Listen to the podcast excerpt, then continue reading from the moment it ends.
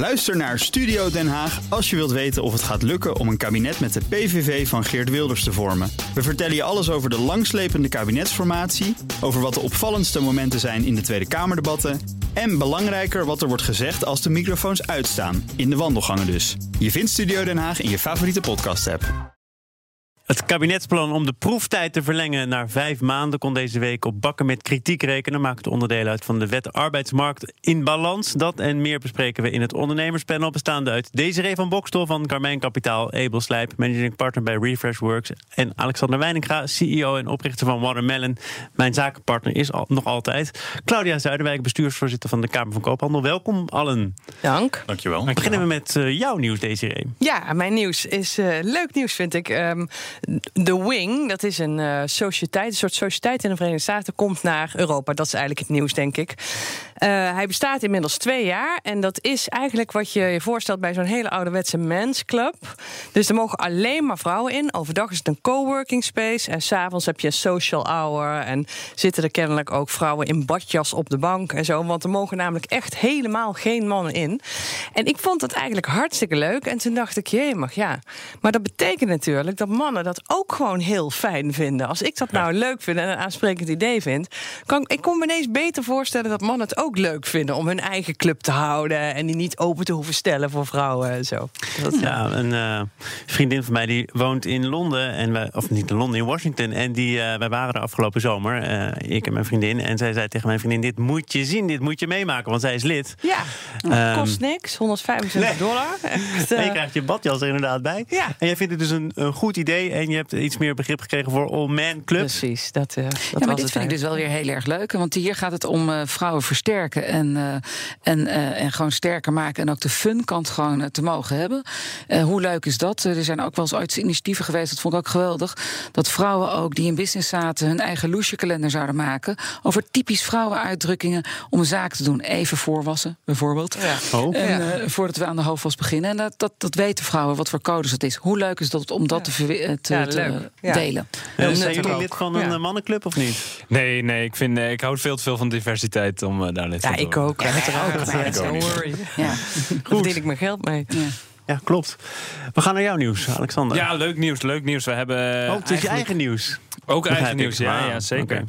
We hebben vorige week hebben wij uh, ja, nieuwe live chats, zo noem je dat dan. Een chat op je website hebben we gelanceerd.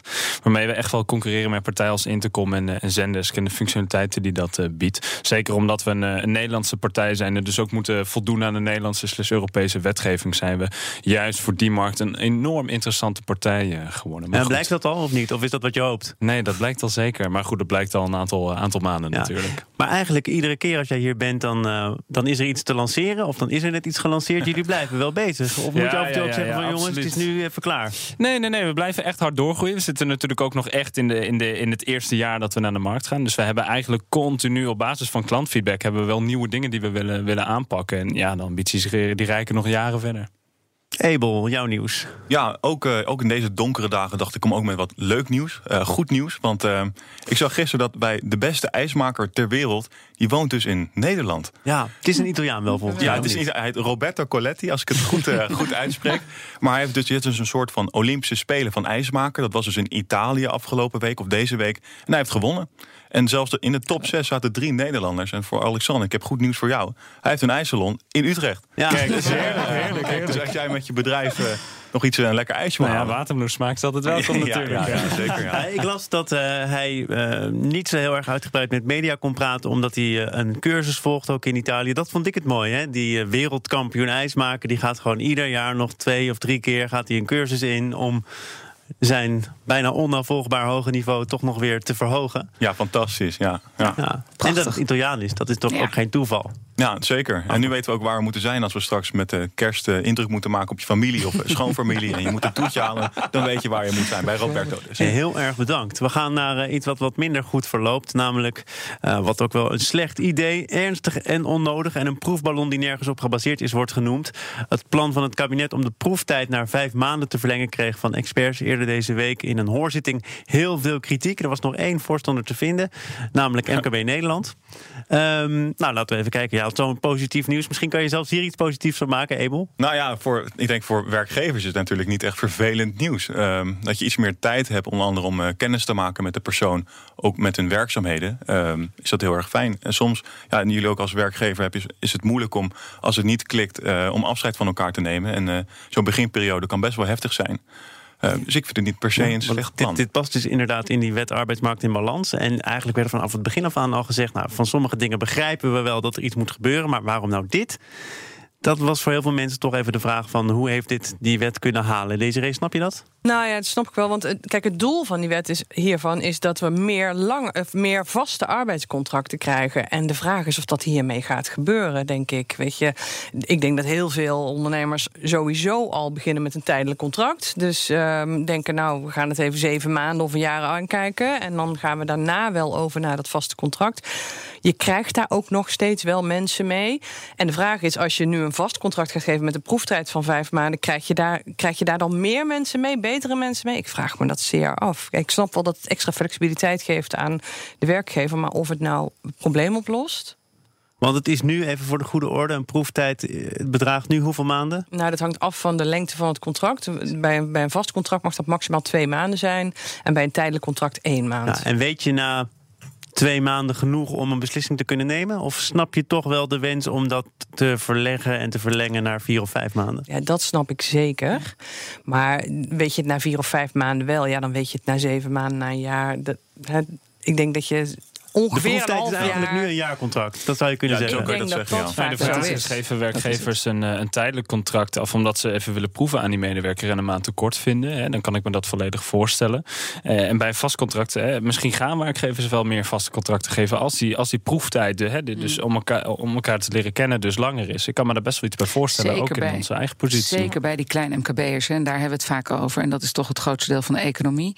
Daar luistert het zo nauw als je eenmaal mensen hebt aangenomen... van bij ziekte of niet voldoen, dat daar iets meer zekerheid inbouwen uh, wel, uh, wel werkt. Dus ik snap ook wel hier MKB Nederland eerlijk maar gezegd. Maar wij, zien daar wel heel veel tijdelijke contracten. Ja, en zeker. worden die nou vervangen door dit contract? Vraag Weet ik niet, maar ja. de hartekreet die eronder zit is dus dusdanig groot dat ik denk dat men naar oplossingen zoekt anders om een impasse ja. te doorbreken. Ja, dan denk ik, nou ja, laten we maar even kijken. Maar dus de hartekreet is eigenlijk... jij op het spoor van MKB Nederland dan? Jij begrijpt dat zij daar voorstander van nou, zijn? Ik snap dat zij, ik snap dat zij zeggen van, nou ja, eh, omdat zij als geen ander natuurlijk die MKB'ers kennen, die uh, dus zo omhoog zitten met die aarzing. En een, een jaarcontract is één, helemaal met je eens. Ik weet niet of dit het oplost, weet niemand. Maar daaronder zit dus die urgentie wel. En uit onderzoek bij ons komt dat, dat ondernemers liever harder werken op dit moment dan dat ze mensen aannemen. Dat is niet goed voor ja. de economie. Maar Nee, het gaat voorbij niet, nee. aan het probleem, denk ik. Want het probleem is eigenlijk dat je van mensen afscheid wilt kunnen nemen. Hè? En nu Zeker. wordt er gezegd dat kan je dan binnen vijf maanden nog doen. Maar dan is het, dan is het klaar. En ik denk dat heel eerlijk gezegd er moet wat veranderd worden aan Zeker. dat je ook na twee jaar of na drie jaar nog afscheid Dat helemaal kan met je eens. Ja. Ja, daar ben ik ook wel. Ja, dat zou structureel wel beter zijn. En het is, het is zo'n grote drempel als kleine eh, ondernemer om er overheen te komen om een vast contract te geven. Zeker. En dit verlaagt die drempel, dus ja, misschien is dat wel beter. Ja, nou, want eh, een hoogleraar arbeidsrecht die aan het woord kwam in die hoorzitting, die zegt juist dan weer: door nu die proeftijd te verlengen naar vijf maanden, maak je er juist weer een heel punt van, een heel eigen ding van. Eigenlijk wat we net ook bespraken met een aparte arbodienst voor vrouwen. Dat, het- er wordt nu echt gedaan alsof dat vaste contract, contract iets heel kardinaals is, waardoor je het nooit meer gaat geven. Maar het Nou, is een heel het ding. tegenovergestelde, moet ik eerlijk zeggen. Ja. Ja, ik denk dat juist is de drempel echt lager Dat daarvoor wordt. Dus ik ben het niet eens met de Nee. In Duitsland hebben ze toch al. In Duitsland hebben ze toch al dat als je een vast contract krijgt, dat je dan een half jaar proeft. Eh, Weet ik niet 100% zeker, maar volgens mij is dat het geval. En volgens mij zijn ook daar de uitkomsten ook heel Maar positief dan wordt er van. Oké, we moeten dat vaste contract stimuleren. We moeten zorgen dat werkgevers dat weer gaan uitdelen. En dan maken we het ook makkelijker met die cumulatieve ontslaggronden om weer van mensen af te komen. Ja. Ja. Ja, het is sowieso al heel goed geregeld in, eh, in Nederland. Ik was laatst op vakantie en toen kwam ik een paar mensen tegen die bij Amazon werkten in het eerste jaar in Amerika. Die hadden twee vakantiedagen in het jaar, in zijn eerste jaar. En als je ziek was, was het ook, ging dat van je vakantiedagen af. Dus eh, ik denk dat ze, het is ook best oké nu. Ja, we hebben het denk ik goed. En ik denk dat natuurlijk is de andere trend gewoon dat, dat we allemaal flexibeler moeten worden. Dus inderdaad, we zijn al heel lang afgestapt dat eh, lifetime employment werkt niet meer, wel lifetime development. En ik denk dat in dat zin dus dat je flexibeler wordt, dat is prima. Dus daarin past ook makkelijker afscheid kunnen nemen.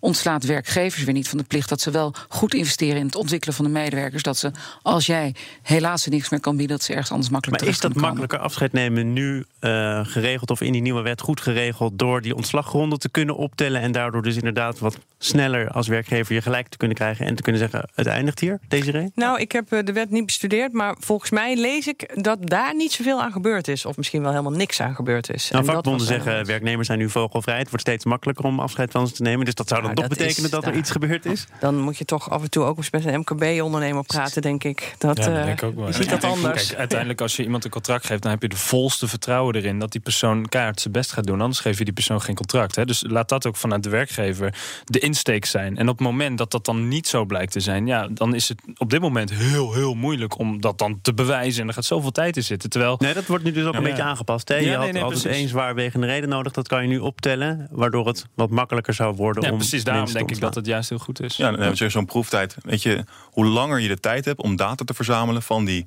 uh, van die relatie je hebt met de werknemer, hoe groter de kans is ook dat je een vast contract gaat geven. We gaan praten over vacaturesite Jobbird, want die is failliet. En dat is opvallend, want eerder dit jaar werden nog ambitieuze groeiplannen aangekondigd. Onder andere hier in dit programma. Ja, als je hier te gast bent geweest, dat loopt niet altijd goed af. Um, zagen jullie het aankomen? Nee, ze wilden naar het buitenland, dat waren de plannen ook. Maar ik denk dat niet eh, de vogels de vleugels heeft eh, uit kunnen slaan. Eh, ja, hier is over nagedacht. Ja, ja. Het is ook een heel bekende van Choppert. Iedereen die wel eens naar deze zender luistert, denkt ja, daar was het van. Um, nou is het het wrange eigenlijk dat in de berichtgeving naar voren komt dat de oprichter al weken niks van zich zou hebben laten horen. Dat de werknemers van Jobbird in één keer werden geconfronteerd met een bezoek van de curator. Ja, dat klinkt niet zo chic. Nee, dat is niet ziek, nee. Ik vind dat als op het moment dat je failliet gaat... dan moet je daar verantwoordelijkheid voor nemen... en er alles aan doen om het, uh, om het netjes op te lossen... en af te handelen voor alle gedupeerden. Um, uh, ja, dat, dat is wat, wat, ik, wat ik persoonlijk vind. Ik denk dat veel mensen daarin met mij eens zijn. En zeker voor je personeel moet je gewoon ja, open kaart spelen... en aankaarten wat er aan de hand is. En, en als je kijkt naar de lancering van Jobbird en vervolgens de aankondiging van die grote internationale plannen. En als nu blijkt dat ze vanaf het begin af aan zwaar verlies hebben geleden, eigenlijk nooit winst hebben gemaakt, vrij overzichtelijke omzet hebben gerealiseerd ja, is dat dan toch een te grote broek aantrekken? Hopen dat het allemaal wel beter gaat als je de vlucht naar voren neemt. Hoe, hoe verklaar je dat, Desiree? Nou ja, ik denk eigenlijk had hij natuurlijk hier zelf moeten staan, vind We ik. Hebben hem gebeld. Dat, ja, We hebben hem nou, gebeld voor de goede uh, orde. Nee, weet ik. Um, want het is makkelijk om daarover te praten. Maar goed, het is natuurlijk wel zo als je de artikelen leest en de, de interviews leest. Volgend jaar naar uh, VS veroveren, geloof ik, het jaar daarna Azië. Ik weet niet meer precies hoe. Ja, ik zit in het MKB. Wij, wij investeren in het MKB. En natuurlijk, je ziet heus wel eens ooit ergens een unicorn ontstaan. Maar je ziet ook heel veel bedrijven die heel hard moeten werken om de stap naar de VS te maken of Europa te veroveren. En het is gewoon hard werken. En als je dan uh, technologie hebt die je uit kan rollen, als je hele schaalbare technologie hebt, dan gaat daar ongetwijfeld ook tientallen miljoenen in voordat het zover is. Dus dan moet je wel iets meer doen, denk ik. Nou ja, met ambitie uh, is natuurlijk helemaal niets mis. En op het moment dat je die plannen hebt, ik vind het hartstikke goed dat iemand die plannen heeft. En dat het dan niet lukt, dat is ook helemaal niet erg. Dus ik denk dat daar, daar, zit, daar zit niks verrangs in. Iedereen kan ambitie hebben, iedereen kan de wereld willen nou, Het kan natuurlijk wel zijn dat je denkt, het gaat me lukken, want ik heb het eerder bewezen. Hè. Meneer Kruiming zit hierachter, dat is ook de man achter de nationale vacaturesite. Dat was wel een groot succes, is ook voor relatief veel geld verkocht. Heb je er dan meer en misschien wel te veel vertrouwen in dat dit je ook gaat lukken? Nou, ik denk in, in, deze situatie, wat er, wat er misschien is gebeurd, is dat je hè, bij, bij de Nationale Vacaturebank heeft hij gedacht: we gaan dit gewoon doen. En wist nog niet alle ins en outs van de business. Nu wist hij wel alle ins en outs van de business en probeerde het misschien te gedetailleerd aan te pakken. Dat zou kunnen. Nou, ik, ik vind ook wel weer een lesje in. in ik, dat vind ik in ieder geval. ik ben het helemaal met je eens. Je mag natuurlijk ambitie hebben en die mag je ook zeker uitdragen. Maar het is wel goed om af en toe ook even een bepaald soort vorm van realisme te laten zien. En dat is ook aan jullie natuurlijk, aan de, aan de media, om door te vragen op dat soort verhalen om ze door te, nou ja, door te prikken soms ja, nou, ook. ik neem het me af en toe ook wel eens kwalijk dat ik denk van... hè, we hebben ze hier natuurlijk ook vaak te gast... en je stelt dan toch wel de vragen waarvan je denkt... nou ja, als je hier een goed antwoord op hebt, dan zal het wel deugen. Ja. Het stelt mm. me af en toe ook wel eens teleur. En ook misschien wel doen we niet genoeg onderzoek... of als je echt het is misschien even altijd company info, jullie ja, eigen dochter. Of, uh, precies, even. Of, of maar voor zijn eigen ja. ondernemerscarrière op lange termijn is het ook niet heel goed. Ik denk dat ook zeker hoe die het nu ook behandelt. Ik sprak ook mensen gisteren die een baan zijn verloren omdat ze daar werkten. En die hebben ook dus allemaal geen informatie uh, gehad. Uh, ja, wat dus, ik, ja. wat ik ook wel, wat je zei, wat ik, de media hebben een belangrijke rol ook hierin, maar ook Nederland. ik zou ook inderdaad echt zijn verhaal hier willen horen. Omdat niet alleen naar de glansverhalen die je soms hier hoort hoort. Hè, dat je dat zegt, ja, dan heb je de zin om er doorheen te prikken. Maar dat taboe op uh, faillissement en wat er dan met je gebeurt en daarvan te leren en als held uitkomen en dat te laten ook. Dus ik zou eigenlijk willen zeggen, kom hier praten voor die meneer en gun de rest van ondernemend Nederland dat hij kan leren van zijn verhaal van wat je vooral niet moet doen en dat dat gewoon normaal is dat we daarover praten. We hebben een comeback-lijn uh, gestart, massief gebeld, het is gewoon een telefonische lijn van ondernemers die failliet zijn gegaan om uit het taboe te treden. Nou, dus ik zou zeggen, nodig alsjeblieft uit. En, en gun dat andere ondernemers kunnen leren hiervan. en laat, haal het uit het taboe. In Amerika tel je niet eens mee als je geen faillissement hebt meegemaakt. Dus wat dat betreft... Uh... Ja. Komen er overigens, er was een kredietverzekeraar die met die berichten kwam, komen er meer faillissementen aan? En merk je dat ook al bijvoorbeeld als je kijkt naar het uh, register van de Kamer Koophandel? Nee, op dit moment zien wij nog steeds niet dat er. Dat is nog steeds als een lichte afname uh, van faillissementen, dus we zien het nog niet. Um, uh, wel nee, moeten we die waarschuwing serieus nemen. Het kan best zijn dat dat nu gaat gebeuren. Um, en in ieder geval is één van de onderdelen daarvan: ga acteren voordat het te laat is. Dus de 2 voor 12 oproep zou ik je ook willen doen. haal uit het taboe. Zeg, erken inderdaad, net zoals wat jij zei. Er zijn een aantal tekenen dat het wat slechter gaat. gaat en zoek daarbij hulp en, en vraag daarbij ondersteuning voordat het te laat is. We gaan eh, tot slot naar een onderzoek van de Erasmus School of Economics over start-ups. Die groeien minder door. Um, Alexander, herken jij dat? Uh, nou, ik denk dat uh, dat artikel een beetje rust op uh, dat hele droombeeld dat van start-ups en ondernemers is gecreëerd. En dat nu mensen erachter komen: oh wacht, het is eigenlijk gewoon keihard werken in plaats van al die onzin die in de media Maar het is toch niet wordt. zo dat die start-ups nu opgehouden zijn met hard werken? Nee, maar ik denk dat het droombeeld uh, een, beetje, een beetje in duig valt. En dat mensen erachter komen dat dat niet het geval is. Maar dat het dus hard werken is. Ik zeg ook niet dat die start-ups niet hard werken. Maar ik denk dat het beeld dat voorheen is gecreëerd. En allemaal geromantiseerd is rondom, rondom start-ups. Dat we er nu een beetje achter komen van oh, ja. dat is helemaal niet zo. Ja, dat zeker weten ja. Als je bijvoorbeeld uh, uh, 97% van de start-ups haalt de eerste vijf jaar niet. Als je dat weet, dan zou je toch nergens bij instappen, ongeveer bij een bedrijf. Dus maar ja, wat, ik, wat ik vroeg me af of het ook zou kunnen liggen aan de definitie.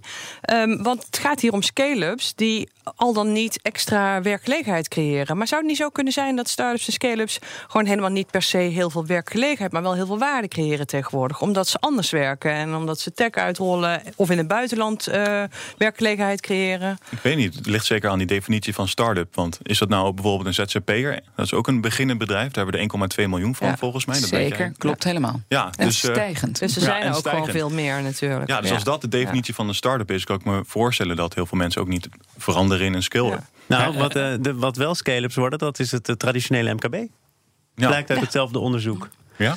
Uh, en er wordt ook gezegd, overigens door de onderzoekers, dat er uh, de afgelopen tijd veel aandacht is geweest voor scale-ups en wat minder voor start-ups, juist omdat de gedachte was, dat pakt de markt wel op. En nu wordt er toch weer door die onderzoekers ook gewezen naar de overheid. Er zou beter een ander overheidsbeleid moeten komen om die start-ups verder te ondersteunen. En te zorgen dat het wel scale-ups worden. Is het logisch dat er hier toch weer wordt gelonkt naar de overheid? Nou, het is wel zo. Ik denk, er komen natuurlijk steeds meer start-ups en scale-ups. En ik denk wel dat het is een vak om echt ook je bedrijf op te schalen. Kijk, je omzet ja, opschalen, Allah.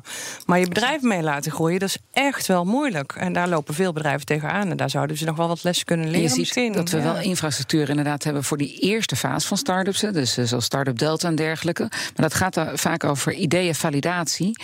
Uh, maar je ziet dat dus die doorstart van vijf tot zeven jaar om echt groot te worden, dat ja. gaat over schaalbaarheid en verdienmodellen. Dat je echt ook gaat verdienen met en je investeringen gaat terugverdienen. Dat is een ander spelletje.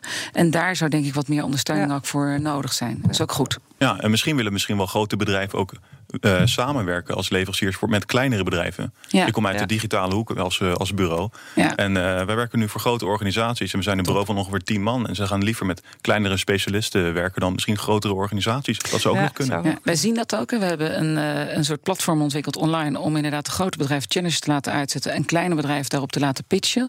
Daar komt gelijk op één zo'n challenge komen duizend inschrijven van kleine bedrijven die dan makkelijk zaken doen. Dus dat is inderdaad echt de trend. Ja. eens. Ja. Nou, ik denk dat wat, wat heel belangrijk is, en dat werd hier net ook al gezegd.